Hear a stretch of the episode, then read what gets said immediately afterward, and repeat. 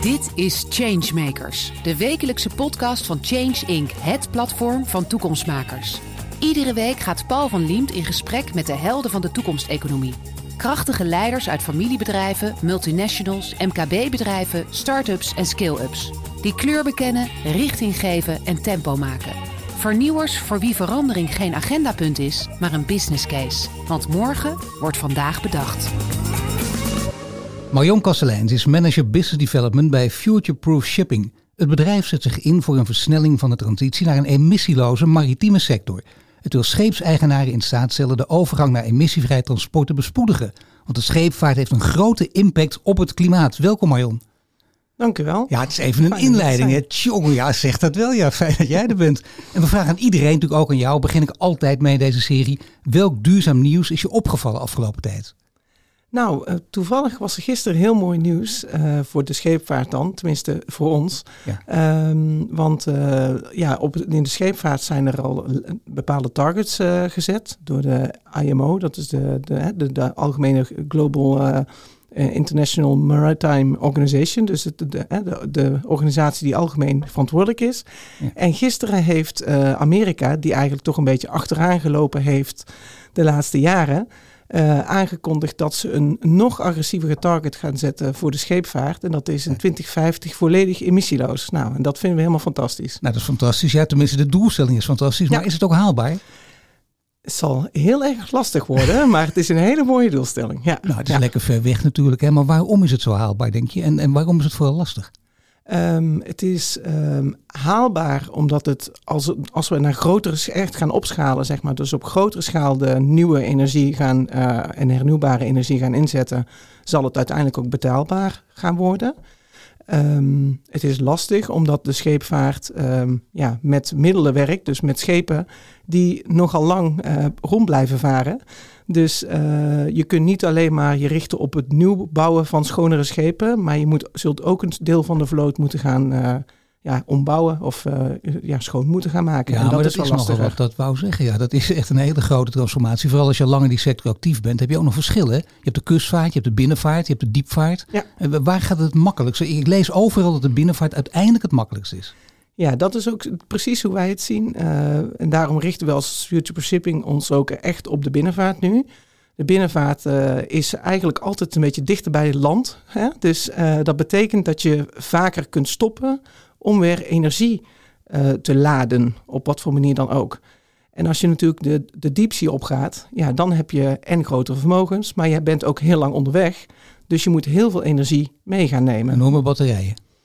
Ja, nou ja, als het batterijen zouden zijn, zouden het hele grote batterijen moeten zijn. En dan kan je eigenlijk ja. geen lading meer meenemen. Dus nee. op dit moment, met de huidige status van hoe groot de batterijen zouden zijn, um, ja, zou je eigenlijk het hele schip daarmee vullen. Dus dat is op dit moment nog geen optie. Nou, we beginnen een beetje een idee te krijgen, maar het bedrijven, Future Proof Shipping, daar moet je iets meer over vertellen. Want het is niet dat meteen bij iedereen de alarmbellen rondgaan en, en sowieso de, de bellen rondgaan. Nee, het is nog een, eigenlijk een heel nieuw bedrijf. Ongeveer drie jaar bestaan we nu opgericht door een telg uh, uit de familie van de, uit de scheepvaartsector. Uh, die echt als idee had om, ik wil iets gaan doen om die scheepvaart te gaan verduurzamen. Die heeft dat, uh, um, ja, die uitdaging eigenlijk ooit neergelegd bij een organisatie die heet Envio, zit in Rotterdam. En die maken bedrijven om, die een impact hebben, positieve impact hebben op de wereld en op de, op de energietransitie en op mensen. En um, die hebben eigenlijk het concept van futureproof shipping begonnen, of verzonnen. En toen is in 2018 het bedrijf echt geregistreerd. En zijn we van start gegaan met de eerste klant, waar we nu eigenlijk ook al met, nog steeds mee bezig zijn om daarvoor een schip op emissieloos voor in de vaart te krijgen. Nou, kun je nagaan, hè? kun je nagaan eventjes. Het ja. gaat niet zomaar natuurlijk. Maar heel interessant, hè? want deze sectoren, met name de scheepvaart en de luchtvaart, worden genoemd als de allermoeilijkste. Dus degenen die hier ooit mee gestart zijn, zijn heel ambitieus. Dat jij hier ingestapt bent, geldt dat voor jou natuurlijk ook. Want je weet hoe lastig het is. En ik merk het ook om me heen. Hè? De scheepvaart, jullie met changemakers en duurzaamheid, hoe kan dat nou? Altijd die verhalen. Terwijl ik denk, als je impact hebt, als je wat lukt, dan, dan bereik je veel meer dan anderen natuurlijk. Er is echt een, letterlijk een wereld te winnen. Ja, ja, er is echt een wereld uh, te winnen, omdat het uh, ja, een heel groot deel van de sector denkt toch nog steeds, en dat begint ook een beetje te veranderen de laatste jaren, maar bedenkt echt nog steeds aan ja, 5% emissiereductie, 10%. Oh, misschien kunnen we wel richting 20%. En dan echt allemaal. Dat, dat, dus ja, de, om dan als bedrijf te zeggen van wij gaan van een, een dieselschip, hè, diesel aangedreven schip, meteen naar emissieloos. Ja, dat, dat is uh, eigenlijk ongekend. Maar dat is juist precies het punt wat Future Shipping wilde maken. Maar ja, het zit natuurlijk niet in de breinen van mensen die al jarenlang in deze sector werken. Dat snap ik ook. Als je daar lang in werkt, denk je ook dat, dat er ook nog bij. Ik heb het anders aan mijn hoofd. Dat vergt echt even een transitie. Hè. Dat vergt ook uh, bijzondere eigenschappen. Nou, over die, die bijzondere eigenschappen die, die je daarvoor nodig hebt, hè, die, die ga ik zo meteen uh, proberen jou te onttrekken. Mm Daar mag je zelf een mooie analyse van maken. Mhm. Maar eerst iets over je achtergrond. Want ik heb gelezen en gehoord, je hebt heel lang in het buitenland gewoond en gewerkt. Wat heb je precies gedaan?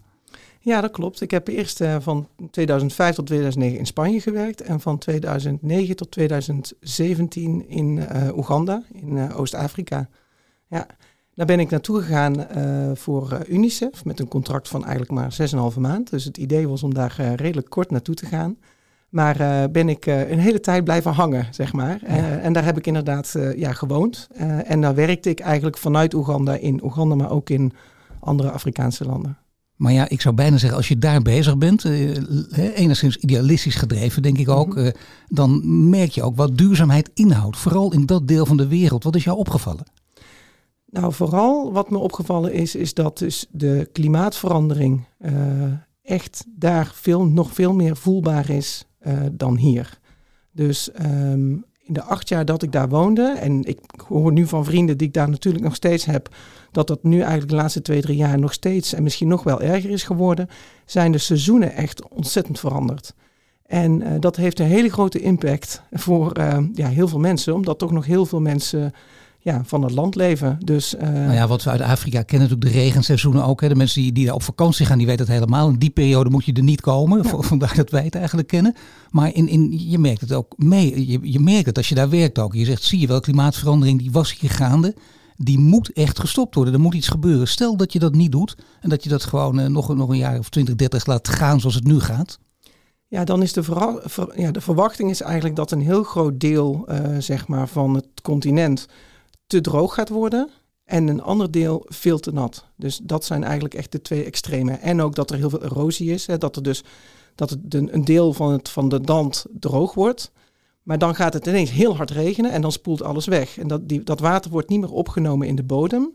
Dus nou, ja, ik ben geen uh, expert op dit gebied. Nou, het lijkt er wel maar, uh, nou, ik doe ook nog wat andere dingen die er ook mee te maken hebben. Maar eh, dus, dus dat is inderdaad, uh, ja, dat zijn echte effecten die, die je daar zult gaan, steeds extremer zult gaan, gaan zien. En dat is ja, voor een heel groot deel van de bevolking gewoon verschrikkelijk. En die bevolking groeit nog eens heel hard. En je wil eigenlijk dat zij zoveel mogelijk lokaal hun voedsel uh, produceren. Ja, dan zou ik zeggen, er is een scheepvaart werkende winkel, maar daar ook. Hè? Mag ik weten waarom je dan toch bent teruggekomen? Ja, dat was eigenlijk met name om privé-redenen. Uh, dus, uh, privé-redenen? Nou, ja. mag je gewoon vertellen. Ja. Iedereen luistert mee. Dat is uh, transparantie tegenwoordig. Ja. Je kunt alles zeggen wat je wil. Nou ja, ik was, ja, ik was daar acht jaar en ehm, ik werd moeder. En uh, toen ging er toch ergens iets uh, van binnen iets veranderen. En uh, daarnaast was er ook nog um, een familielid een tijdje ziek geweest. En toen dacht ik op een gegeven moment van ja, ik wil eigenlijk dat mijn dochter nog met opa en oma en de hele familie zeg maar bewust kan opgroeien. En dat was eigenlijk de, ja, de belangrijkste reden. Daarnaast waren er ook nog een heleboel andere redenen, maar dat was de belangrijkste reden. Ja. Dat doen we nog een andere keer, een ander interview. Daar kun je ook nog een uur over praten waarschijnlijk, maar dat is een ander verhaal. Belangrijk is wel, als je dan hier komt, dan is, eh, nou laat ik zeggen, het zaadje is geplant. Hè? Het spreekwoordelijke zaadje is geplant, want je denkt, wacht eventjes, daar heb ik gezien wat klimaatverandering doet. Ik ga nu in Nederland aan de slag en ik wil daar ook iets mee doen. Nou, daar zijn we het over eens, allebei. Hè? Scheepvaart, de buitenwereld praat er ook zo over. Jij kent het nu inmiddels beter dan de buitenwereld. En je wordt misschien moe van die verhalen van mensen die steeds roepen: het is een traditionele sector. Want je denkt, ja, dat weet ik al. Maar let op, mensen, er gebeurt van alles. Nou, dan ben ik benieuwd hoe je dat voor elkaar hebt gekregen. Wat je voor stappen kunt zetten om die wereld in jouw richting te krijgen. Ja. Want je bent, mag ik toch zeggen, intrinsiek gedreven door wat je hebt meegemaakt. Ja, ik ben zeker intrinsiek uh, gedreven. Um, ja, wat. Um, wat we eigenlijk met Futureproof Shipping uh, de laatste drie jaar hebben gedaan, en ik ook heb gedaan, is overal zaadjes planten. Dus met heel veel mensen in gesprek gaan en eigenlijk over de hele keten. Dus we zijn uh, met name hè, begonnen met de verladers, dus de, Hè, degene die de vracht hebben, de grote bedrijven. Eh, en dan ook de andere logistieke partijen die in die keten zitten tot aan die scheepseigenaar. En ook uh, de, en natuurlijk om het dan te realiseren heb je ook nog de techniek en de financiën, et cetera, nodig. Maar met name die voorkant, die moet echt, zeg maar, aan het werk. Um, het is vaak wel leuk om dat een beetje anekdotisch ook uh, te horen, hè, van hoe dat dan gaat. En -hmm. dat zullen die mensen ook echt niet van schrikken als ze dat horen, want die denken, ja, we hebben er ook van geleerd. -hmm. Wij begrijpen hen ook, ja. komen uit een andere wereld. Maar hoe gaat dat dan, die gesprekken? Vooral als je even, want je hebt honderden van die gesprekken gevoerd, letterlijk ja. ook. Ja. Hoe ging dat dan? Hoe, hoe werd je ontvangen? Hoe werd er naar je gekeken? Een beetje meewarig of hoe ging dat? Ja, ik heb regelmatig te horen gekregen dat uh, bijvoorbeeld, hè, want ik richt me dan initieel echt op de binnenvaart dat uh, bedrijven zeggen van ja, die binnenvaart, maar die vinden we eigenlijk al groen. We zijn net van de weg naar het water gegaan. Dus moeten we nu ook al iets op dat water gaan doen? Ja, dat, uh, pff, dat is nog even niet aan de orde voor ons. Dat, dat heb ik regelmatig gehoord. En op zich, voor, als je je verplaatst in de stoel van die persoon, hè, ja, dan is dat misschien ook wel logisch. Want die hebben ergens fabrieken en die zijn ze aan het vergroenen. En, nou ja, dus er zijn heel veel stappen in die keten. En zij vinden dan eigenlijk die binnenvaart, nou, maar dat is eigenlijk best een, een schone, schone alternatief voor hè, de weg bijvoorbeeld. Nee, dus, maar ik vind het wel, ja. wel belangrijk. Dit is echt een punt. Omdat hè, normaal gesproken, dat, dat gebeurde jaar geleden ook. Dat je de ene partij, dat waren, dat waren zij en wij zijn aan de andere kant. Wij weten het beter en wij vertellen het even. Dat kan ook helemaal niet. Hè? Tuurlijk niet. Als je in hem verplaatst, dan kijken ze er anders tegenaan. Dan komt er opeens een mevrouw uit, uh, uit Afrika van een NGO. En die gaat ons even vertellen, hè, terwijl wij jaren hier. Dat, dat is even een, een gevecht dat je moet leveren. Ja. Wat heb je daarvoor in moeten zetten? Ja, dat is uiteindelijk het enthousiasme, denk ik, wat dan toch uh, om de hoek moet kijken, komt kijken. En um, ja, we hebben natuurlijk ook al wel een aantal zaken doorgerekend. En hoewel het, hè, als je gaat kijken op het stukje varen, uh, dan is het, wordt het relatief een stuk duurder. Hè? Echt puur het stukje ja. varen. Maar als je kijkt voor een, uh, ja, een grote verlader die zaken uit China haalt om hier in, in, in Nederland ergens in een magazijn te leggen dan gaat het, het stukje binnenvaart, wat het dan duurder gaat worden, gaat ze echt minder dan een cent of anderhalve cent per, nou ja, zeg even doosje schoenen extra kosten. En elke consument zou bereid zijn om die anderhalve cent, zonder dat er ook maar enige subsidie misschien wel op zit, om dat uh, te betalen. Echter, voor die verlader die zegt, ja, maar het kost me wel 4 ton extra per jaar. Ja. En dat is het, hetgeen waar we nu op dit moment eigenlijk pas doorheen aan het breken zijn. We beginnen nu echt, en dan heb ik het echt over de laatste half jaar of zo, beginnen de eerste verladers op te staan die echt zeggen, oké. Okay. Behalve dan die allereerste die we al hadden. Nee, maar uh, ja, ja, Dat, dat is echt, uh, maar dat is wel een, een verandering in de maatschappij. En steeds meer bedrijven zijn ook toch wel veel verder zeg maar, in de vergroening van hun eigen processen. Ja, het is niet meer een in, in zichzelf gesloten club. Hè? Die kan zeggen, oh, we horen er verder niks over en wat bemoei je mee? Het kost me alleen maar vier ton en verder hoef ik niet over na te denken. Ja. Ze hebben natuurlijk ook allemaal kinderen, kleinkinderen, weet ik wat. En iedereen praat erover. Het is voortdurend in het nieuws. Het wordt ook van je verwacht en het is logisch wat je doet. Maar dan nog, uh, het gaat ook wel over je verdienmodel. Hè? Een beetje vergelijkbaar misschien met de discussie bij de boeren. Dan kun je die boeren wel uitlachen. Maar je moet ook snappen dat zij, uh, je komt aan hun geld, letterlijk kun je ook aan, aan, dat geldbedrag dat ze verliezen, dat ze dat niet alleen maar om ideologische redenen doen, kun je er ook nog andere goede argumenten inzetten? Nou, eigenlijk gaat het om, om uh, of ze een, een, leider ook willen zijn hierin, hè? of ze zeg maar een aanstichter willen zijn. Want als het, uh, hè, zij kunnen natuurlijk een, een, het is één schip wat ze dan zouden laten varen en dat is dan misschien het eerste, tweede of vijfde schip. Hè? Maar dat gaat een hele grote verandering daarna in, uh, ja, in, in gang zetten. En dat is hetgene wat, waar ze gevoelig voor moeten zijn. Maar het is nog steeds lastig om de mensen te vinden binnen die bedrijven. Want dat, op dat punt staan we nog steeds vaak. Dat het niet gaat om de strategie van het bedrijf. Maar je moet de juiste personen vinden binnen zo'n bedrijf die zich aangesproken voelen. Wordt vaak onderschat ook. Hè? Dat is inderdaad op het Excel-sheetje kijk je gewoon denk in zo'n modelletje. Nou, zoek het maar uit. Jongens, jullie mogen het uitvoeren. Mijn geweldig idee. Het gaat hier wel degelijk om personen. Ja. Heel belangrijk zelfs. Maar dan denk ik, ik ben een van die personen. Ik word door jou aangesproken, ik word, word aangestoken door enthousiasme. Stel dat het allemaal goed gaat, maar dan nog blijft die vier ton wel een obstakel. En mijn vraag zal dan altijd ook blijven, waarom zou ik de aanstichter moeten zijn? Ja. Ja, dat, is echt, dat moet nog een intrinsieke drive zijn, eerlijk gezegd. Want dat is uh, niet iets wat, uh, wat een, ja, dat kun je niet financieel zeg maar weerleggen. Dus, uh, nee, je kunt niet zeggen bijvoorbeeld, ik noem maar wat. Hè. Uh, nou kijk, nu, nu kost je even wat geld, maar jij bent de aanstichter. Dat gaat je voordelen opleveren, want over vijf of zes jaar... dan uh, is de kans heel groot dat je er ook financieel beter van wordt.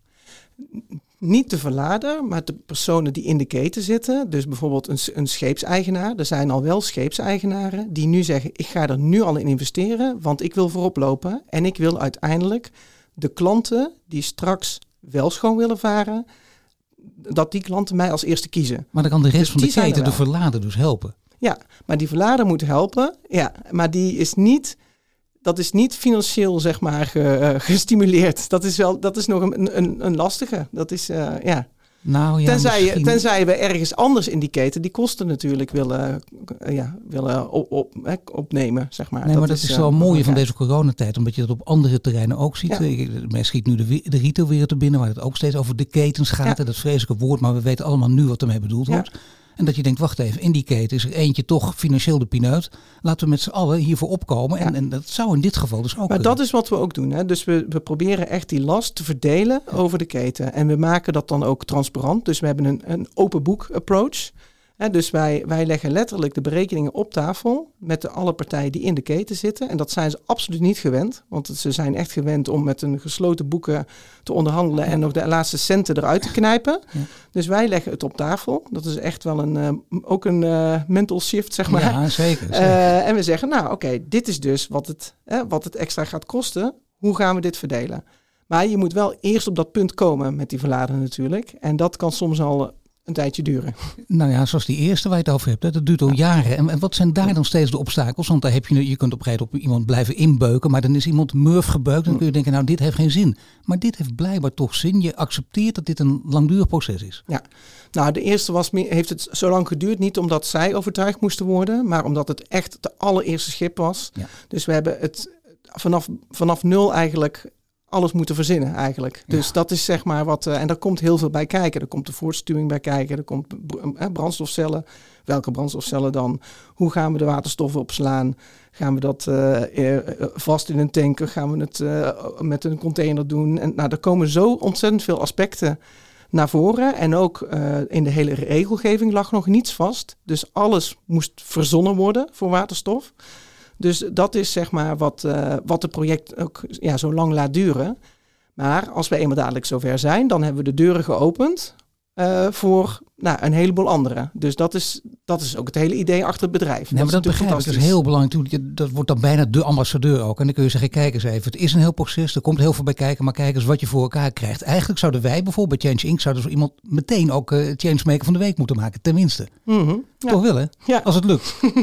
ja, dat zou mooi zijn. Ja. oh, toch wel. Ja, jij merkt zelf hoe leuk het is. Hè? nou, meteen zijn we dan bij uh, de vraag van, van onze community voor jou. Ja. Want die stellen we ook natuurlijk elke week. En voor jou is de vraag, welk project of welke innovatie die bijdraagt aan het verduurzamen van de binnenvaart verdient meer aandacht? Ja, het is al, ik vind het eigenlijk al bijna geen innovatie meer. Maar uh, echt het gaan varen initieel, uh, het elektrisch gaan varen initieel. Dus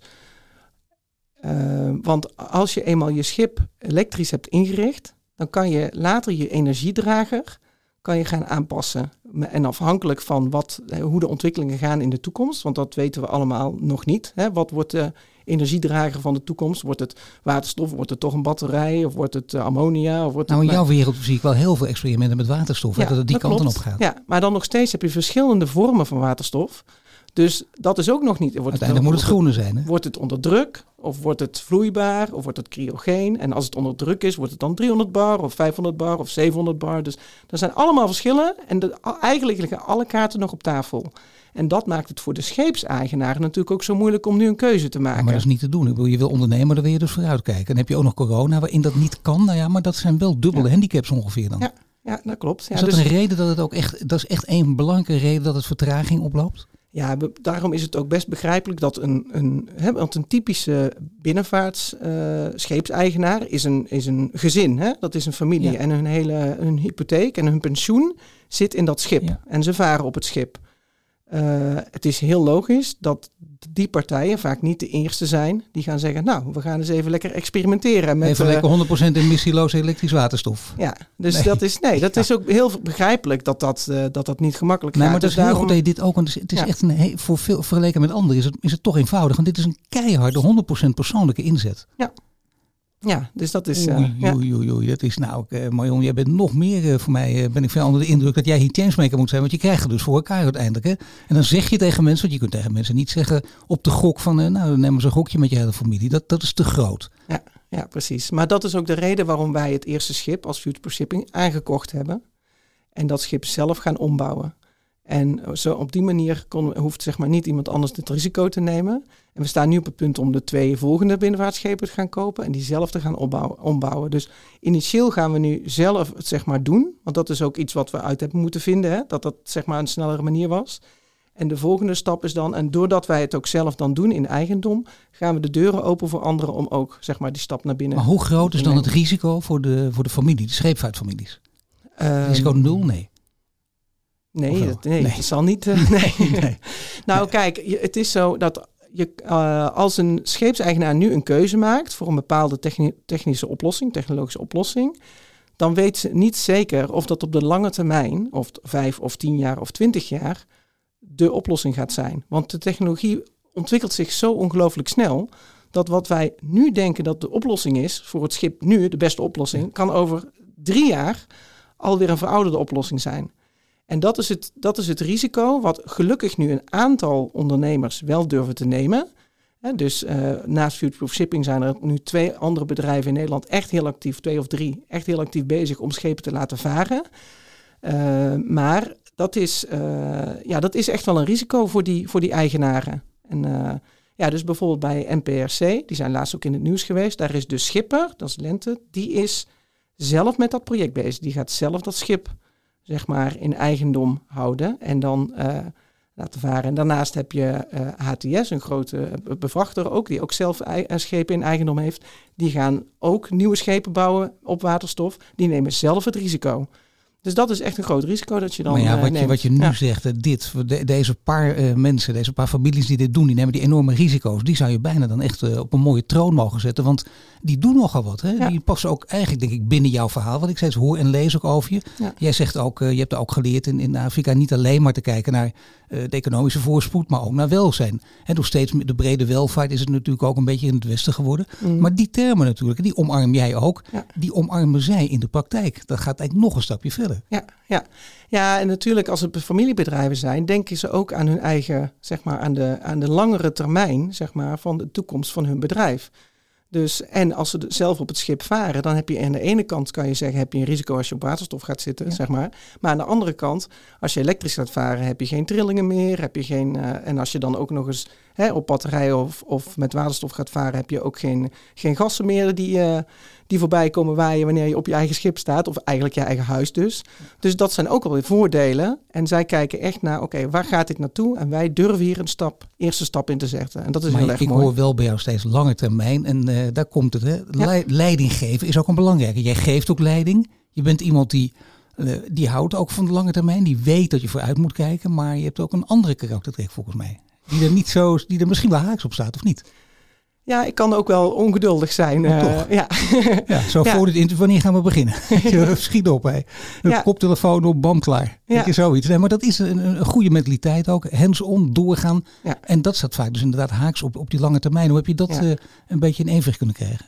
Ja, ik heb echt uh, de laatste jaren, uh, en zeker de laatste drie jaar nu uh, dat, ik, dat ik hiermee bezig ben, echt mezelf moeten leren om ja, voor mezelf tussenstapjes zeg maar, te definiëren. Dus door te zeggen, oké, okay, als ik nu deze klant nog een keer een presentatie kan geven, dat is dan al een winst. Terwijl initieel dacht ik, nou, ik moet gewoon over drie maanden moet ik gewoon een contract getekend hebben. Maar zo snel gaat het dus gewoon niet.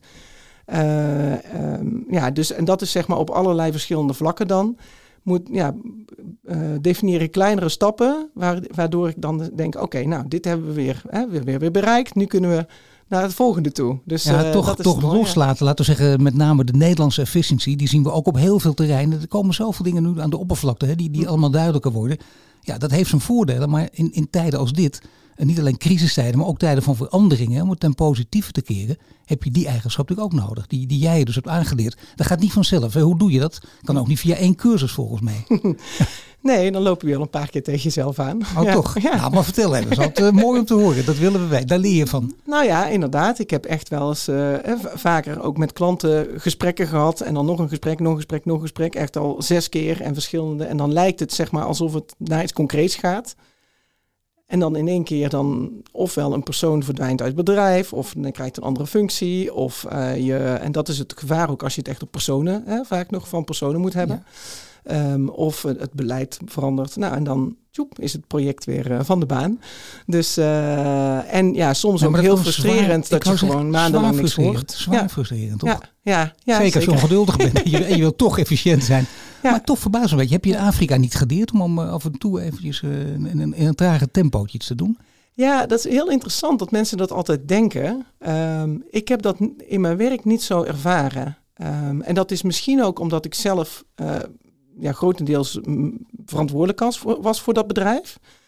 Um, en natuurlijk zijn er bepaalde aspecten waar je moet aanpassen. Hè? Dus uh, nou ja, je denkt soms iets duurt maar een uurtje en dan duurt het drie uur. hè, zo.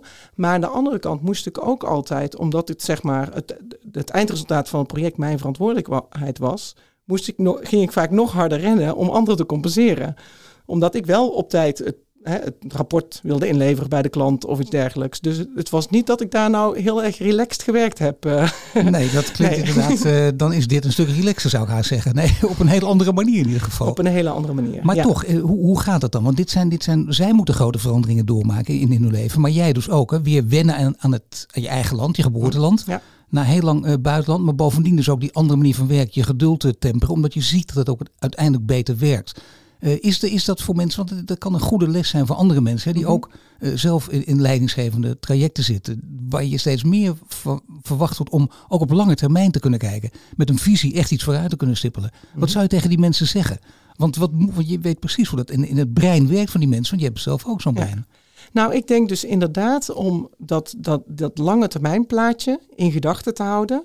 En bij elk stapje dat je die kant op, op kunt nemen, zeg maar, om dat te koesteren. Dat is eigenlijk zeg maar uh, hetgene wat, uh, of te vieren, of hoe je het dan ook wil, wil doen. Maar dat is zeg maar hetgene wat, wat, wat, maar dan wel constant het oog houden op van waar gaan we naartoe en waar doe ik dit voor? Want dat is uiteindelijk wel, ja, wel wat je blijft drijven. Want ik heb me echt de laatste jaren wel eens missionaris genoemd. Overal op de deuren en gevoeld. Echt op de deuren kloppen en regelmatig de deuren in je gezicht krijgen. Ja, dat ook dus, nog. En dan roepen ze ook nog, er komt de missionaris weer aan. dat is zo, ja. Nee. Maar ja. goed, hoe, hoe doe je dat? Om die verhouding goed te houden. Hè? Dat mm. mensen niet denken, je, je, wat ik al zeg, niet de, de grijs gedraaide plaat. Dat ze denken, ja. oh, daar komt, we kennen dat verhaaltje. Ja. Steeds zoeken naar andere woorden, andere invalshoeken. Hoe doe je dat? Ja, ja en eigenlijk heb ik, maar ook uh, het bedrijf, hebben we toch ook wel de, de, de strategie, zeg maar, uh, aangepast. Dus... Um, uh, ja, op een gegeven moment merk je wel van, oh, dit werkt wel en dit werkt niet. Hè? Zeg maar om, om mensen toch te enthousiasmeren. En het is vaak heel erg het gevoel. Je moet echt wel ja, je intuïtie durven volgen van, oké, okay, ik denk dat deze persoon hierdoor... Hè, ik zag een, een sprankje in zijn, hè, of een, een, een, glinstering in de ogen verschijnen toen ik het hierover had. Uh, en daar moet je dan zeg maar weten op door te gaan. Dat is natuurlijk iets lastiger nu over het scherm uh, dan, uh, dan in de praktijk. Als nou ja, je iemand kunt, kunt ontmoeten. Psycholo uh, psychologie ja. speelt een grote rol dus. Ja, ik denk dat dat eigenlijk, ja, het, het, is een soort van, ja, ik wil het nooit verkopen noemen, maar uiteindelijk als ik hè, met klanten ga praten, ben je toch een, een concept aan het verkopen, zou je kunnen zeggen. En dat moet, daar moet je dan toch ja, dat gevoel wel bij kunnen uh, gebruiken, denk je ik. bent er een beetje aan gewend geraakt, aan deze andere manier van werken. Het enthousiasme is, uh, is alleen maar groter geworden, hè? Ja. denk ik, vanuit die brede visie die je ook hebt, ja. uh, geleerd in Afrika. hoe lang heb je hier nog nodig om, om echt voor elkaar te krijgen wat jij wil? Oh, voor elkaar krijgen wat ik wil. Nou, het, um, ik denk als wij om zeg maar de echt. In de, als ik even kijk naar de binnenvaartsector nu, hè, als we echt daar zeg maar um, willen laten zien dat het kan en dat het op verschillende routes kan, et cetera, et cetera, dan zijn we nog minstens vijf jaar ongeveer bezig. Ik denk als wij als Futureproof Shipping vijf, zes schepen hebben varen en dan er nog een aantal andere partijen zijn die ook een aantal schepen hebben varen, dan kan ook eigenlijk geen enkele verlader meer zeggen: het kan niet. dan is de enige reden waarom ze het niet doen, is geld. En op dat punt zou ik heel graag willen komen. En ik denk dat dat tegen, ja, ik hoop dat het tegen 2025, 26 zover is. We zijn nu met een groep met die drie partijen die ik zojuist al noemde in een, in een initiatief ook eh, over de grens met Duitsland, dat heet Rijn, zijn we bezig om ook subsidies te vinden voor de eerste twaalf schepen. Ehm, dat is dan na ons, dit eerste schip, maar dan nog twaalf voor die drie samen.